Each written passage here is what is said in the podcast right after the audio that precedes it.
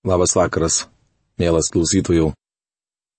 Šiandien mes su jumis toliau keliausime Biblijos puslapiais, Senojų testamentu, apžvelgdami pranašo Jeremijo knygą. Šiandien laidą pradėsime ketvirto ir šešto skyrių apžvalgą, kurių tema - Jeremijas kalba apie tautos maištingumą. Paprašykime Dievo pagalbos suprasti jo žodį. Dangiškasis tėve, mes dėkojame tau, kad tu išsaugojai mums savo knygą ir šį vakarą mes galime susitikti su tavimi. Prašome, kad nukėlęs mus į tos praeities laikus, į pranašo Jeremijo laikus, padėtum suprasti tą maištingumą, kuriame atsidūrė Izraelio tauta.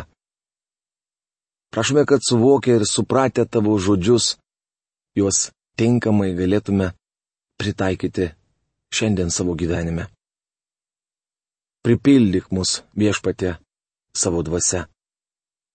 Jėzaus Kristaus vardu. Amen.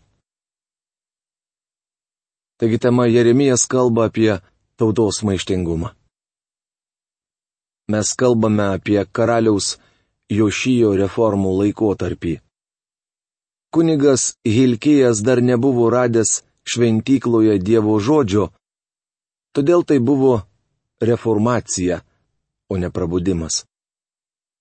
Kitaip tariant, viskas buvo daroma labai paviršutiniškai. Jošijas nuoširdžiai ieškojo Dievo. Jis klausė Jeremijų. Tačiau tauta nesigrėžė į Dievą širdimi. Nors kai kuriuose savo pranašystėse Jeremijas įspėjo juos apie grėsinčias negandas mes nagrinėjame antrąją Jeremijo ištarmę, kuri prasideda trečiame ir pasibaigs šeštame skyriuje. Kaip jau minėjau, joje pranašas kalba apie tautos maištingumą. Šios knygos trečios skyriaus dešimtoje eilutėje skaitėme. Viso to nepaisydama, ta neištikimoji sesuo Judo karalystė grįžo pas mane ne iš tikros širdies, o apsimetusi. Tai viešpatie žodis. Judo gyventojai tik išoriškai grežėsi į Dievą. Tai yra lankė šventyklą ir atlikinėjo ritualus, bet darė tai nenuoširdžiai. Tai buvo Jošijo pastangų rezultatas. Kaip matote, reformacija gali būti ir be prabudimo, bet tai neduoda tikrų vaisių ir nieko iš esmės nepakeičia. Nemanau, kad šiandieninį augantį susidomėjimą Dievo žodžiu galima būtų vadinti tikrų prabudimu. Šis reiškinys galėtų virsti prabudimu, tačiau galbūt tai yra tik mados vaikymasis. Ar žmogus iš tiesų atsivertęs paaiškėja tik bėgant laikui. Nors Jeremijo laikais vyko reformacija, o ne tikras prabudimas. To pakako, kad Jeremijas paskelbtų nuostabę pranašystę, užrašytą trečios skyriaus 16 18 eilutėse. Jis sako, jog tomis dienomis visos tautos rinksis į Dievo namus Jeruzalėje. Nors Jeremijas ir įspėjo judėjus, kad Dievo garbinimas šventykloje gali virsti tuščiu ritualu, tačiau į pranašo žodžius jie nekreipė dėmesio. Nepaisant to, viešpats ir toliau juos ragino sugrįžti pas jį. Jeremijo trečios skyriaus 22 eilutėje skaitėme Sugrįžkite, maištingiai vaikai, aš pagydysiu jūsų atsimetimą.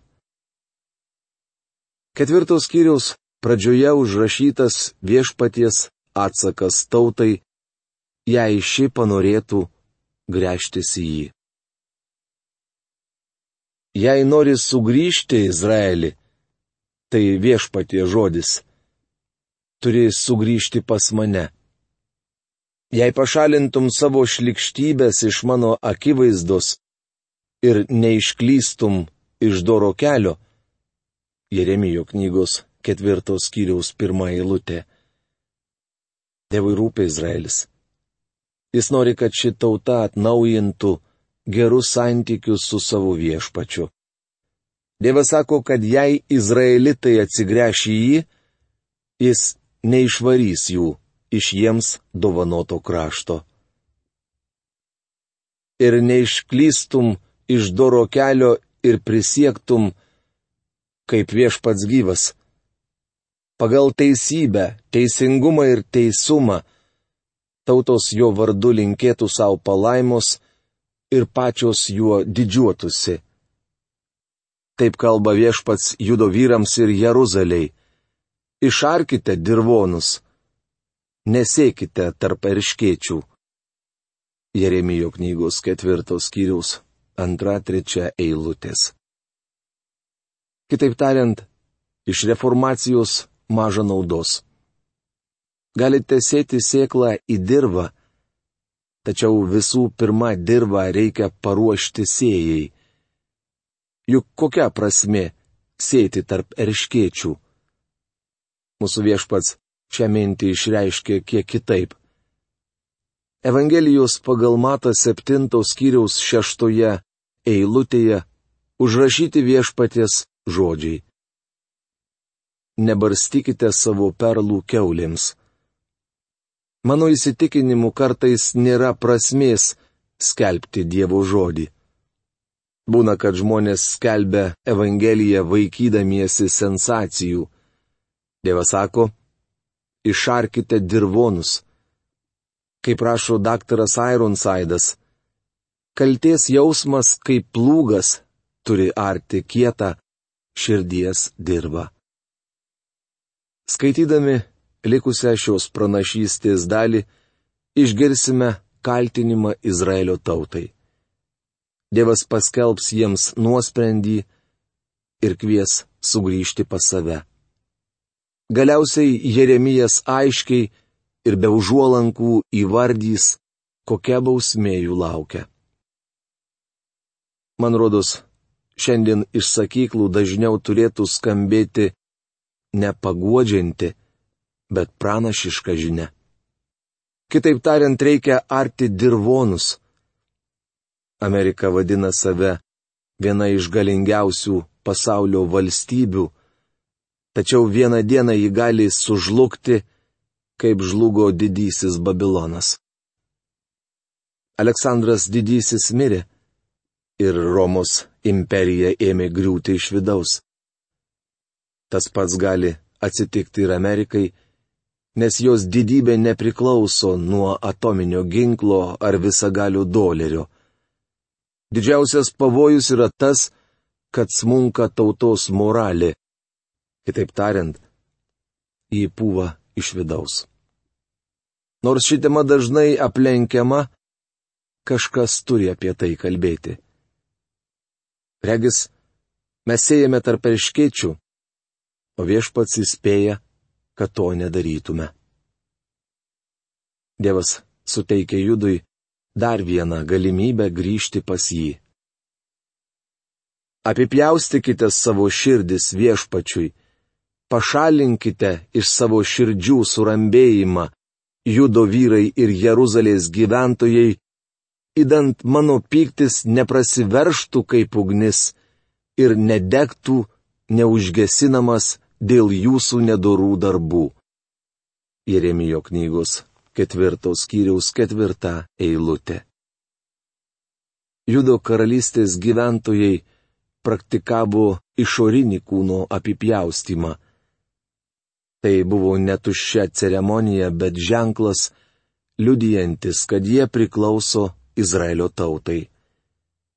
Apipjaustimas turėjo ne vien gydomąją, bet ir dvasinę reikšmę.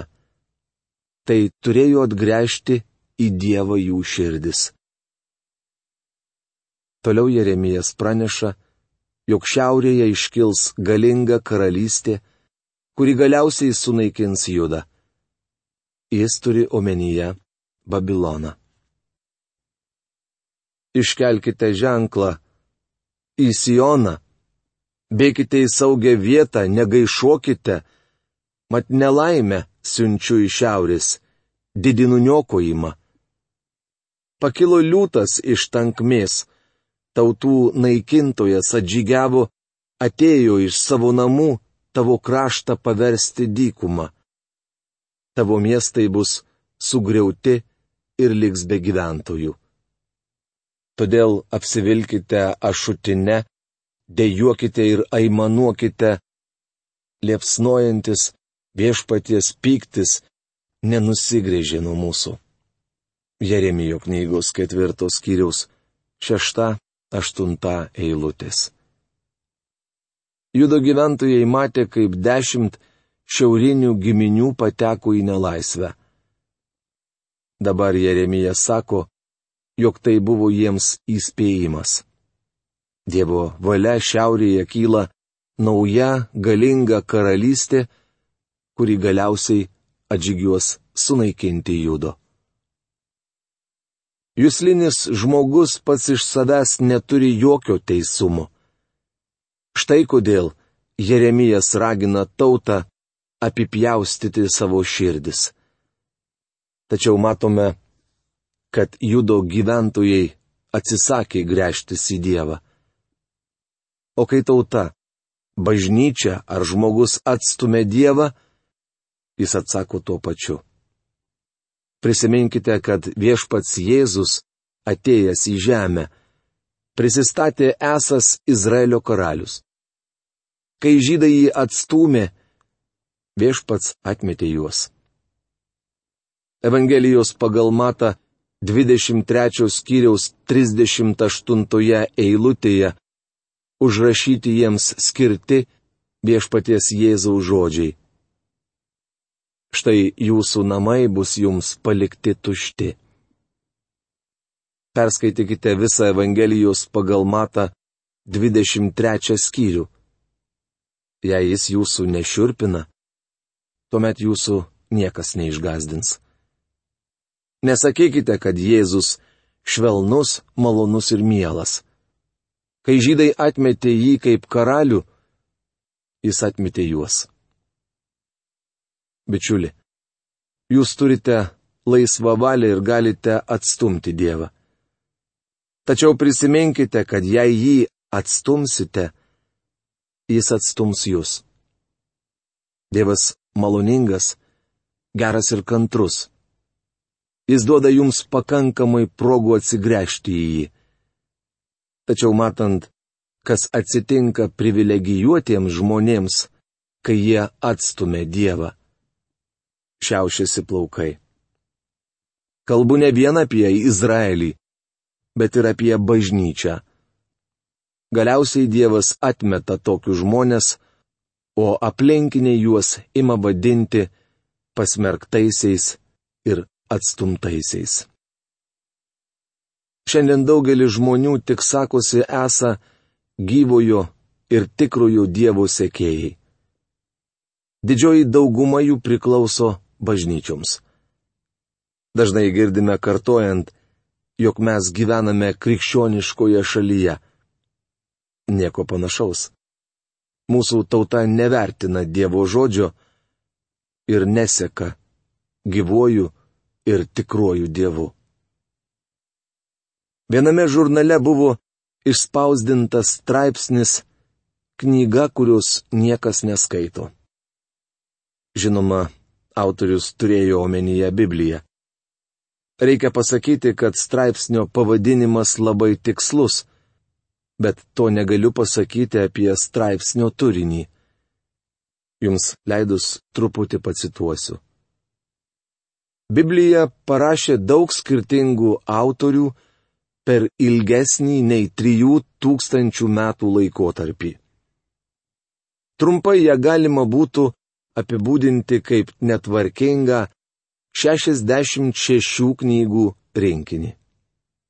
Dauguma šventą įraštą sudarančių knygų yra nuobodžios, barbariškos, neaiškios, kupinos netikslumų ir prieštaravimų. Šiuose knygose yra visko - poezijos ir propagandos, įstatymų ir draudimų, mitų ir tamsos, istorijos ir isterijos. Mėly bičiuliai, tai šlikštus melas. Vyras parašė šį straipsnį apie Dievo žodį, nič nieko nežino. Šiandien daugelio šalių padėtis tokia pati, kokia buvo Judo karalystės Jeremijo dienomis. Judo gyventojai buvo atmetę Dievą, tačiau dėjusi, jog vis dar juos seka. Tokią tautą atstums ne tik Dievas, bet ir pasaulis. Amerika žengia tuo pačiu keliu. Pasaulis nemėgsta amerikiečių. Po antrojo pasaulinio karo jie bandė pasirodyti jog yra pamaldi tauta ir žadėjo padaryti pasaulį demokratišką. O ką padarė? Savo šalyje atvėrė duris savivaliai. Ką Amerika gali pasiūlyti kitoms tautoms? Gal džiunglių civilizacija? Kitos tautos niekina amerikiečius. Dievas sakė, jog to reikėtų tikėtis. Jokia tauta negali veidmainiškai dėtis esanti dievo baiminga ir galvoti, jog pasaulis į ją lygiuosis. Dievas to neleis. Žinau, kad šiandien nepopuliaru apie tai kalbėti, nes Jeremijas anomis dienomis taip pat nesulaukė didelio populiarumo. Aš nepretenduoju į aukštą vietą populiarumo konkurse. Prekybos rūmai tikrai neišrinktų manęs metų žmogumi, greičiau jau atleistų iš darbo. Visgi aš privalau paskelbti jums šios knygos žinę. Dievas nusigręš nuo tautos, kuri jį paliko. Pacituosiu tik keletą svarbiausių šios ištarmės skirsnelių. Deja, mano tauta paika, manęs jie nepažįsta. Jie neprotingi vaikai, be jokios nuovokos. Jie gudrus vien piktą daryti, o gerą daryti nemoka. Jeremijo knygos ketvirtos kiriaus 22 eilutė. Įdomu, kad Amerikos vyriausybė kreipėsi pagalbos į vadinamuosius intelektualus. Regis Franklinas Rooseveltas pirmasis iškėlė mintį, jog reikia lankytis Harvarde bei kituose prestižiniuose universitetuose ir įsiklausyti, ką patarė vyrai turintys aukštą intelekto koeficientą. Mes gudrus daryti blogą. Manome, kad puikiai mokame suktis šiame pasaulyje. Bičiuli, esame garsus viskuo tik neteisumu ir Dievo pažinimu. Dievas sako, kad tie, kurie apsimeta, jog jį pažįsta, yra kvailiai. Vyras, kurios straipsnį citavau apie Dievo žodį, žino tiek pat, kiek aš išmanau apie įstatymų leidybą ar naujuosius mokslo pasiekimus. Šios sritys man svetimus.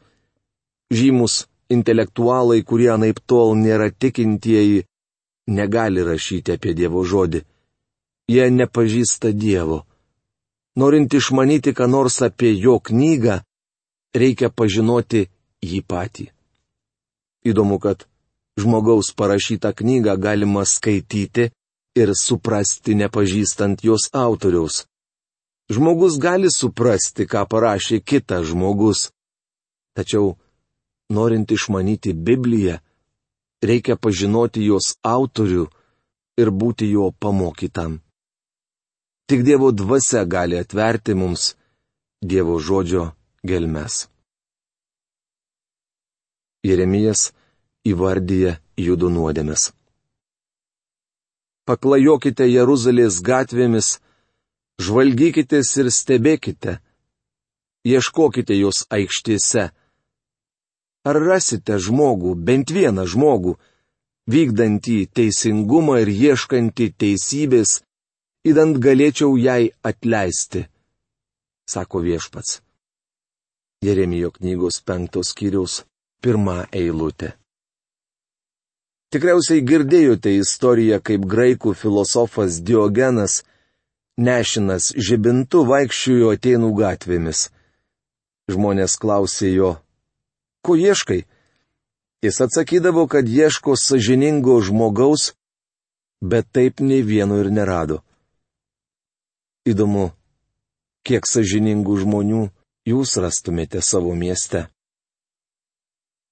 Ar rasite bent vieną žmogų, įdant galėčiau jai atleisti? Ar prisimenate, kodėl Abromas nustojo maldauti Dievą, kad jis pasigailėtų Sodomos ir Gomoros? Jis liovėsi meldėsis, kai viešpats pasakė, jog nesunaikins miesto, jei jame atsiras dešimt teisių žmonių. Kadangi nerado, jis išvedė lotą ir sunaikino miestus.